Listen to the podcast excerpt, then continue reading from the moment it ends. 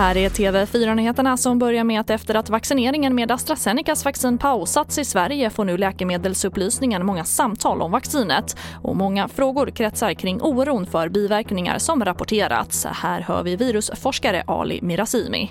Vad vi vet idag är att de här eh, biverkningarna dyker upp inom en eller två veckor efter vaccinationen. Sen ska man komma ihåg att det är ungefär 20-25 eh, personer som har fått det här oerhört ovanliga biverkningen av 20 miljoner vaccinerade. Vi pratar om en per miljon ungefär. Så det är väl oerhört sällsynt.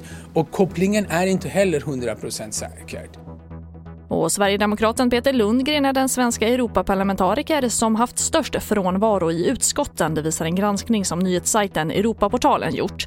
Lundgren har bara varit med vid 33 procent av alla utskottsmöten och själv säger han att protokollen inte stämmer och att han som boende på landsbygden har dålig internetuppkoppling och därmed haft svårt att delta i de digitala mötena.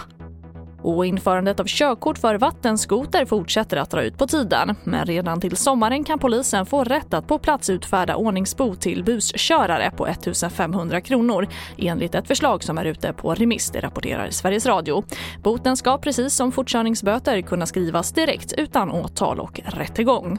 TV4-nyheterna, jag heter Charlotte Hemgren.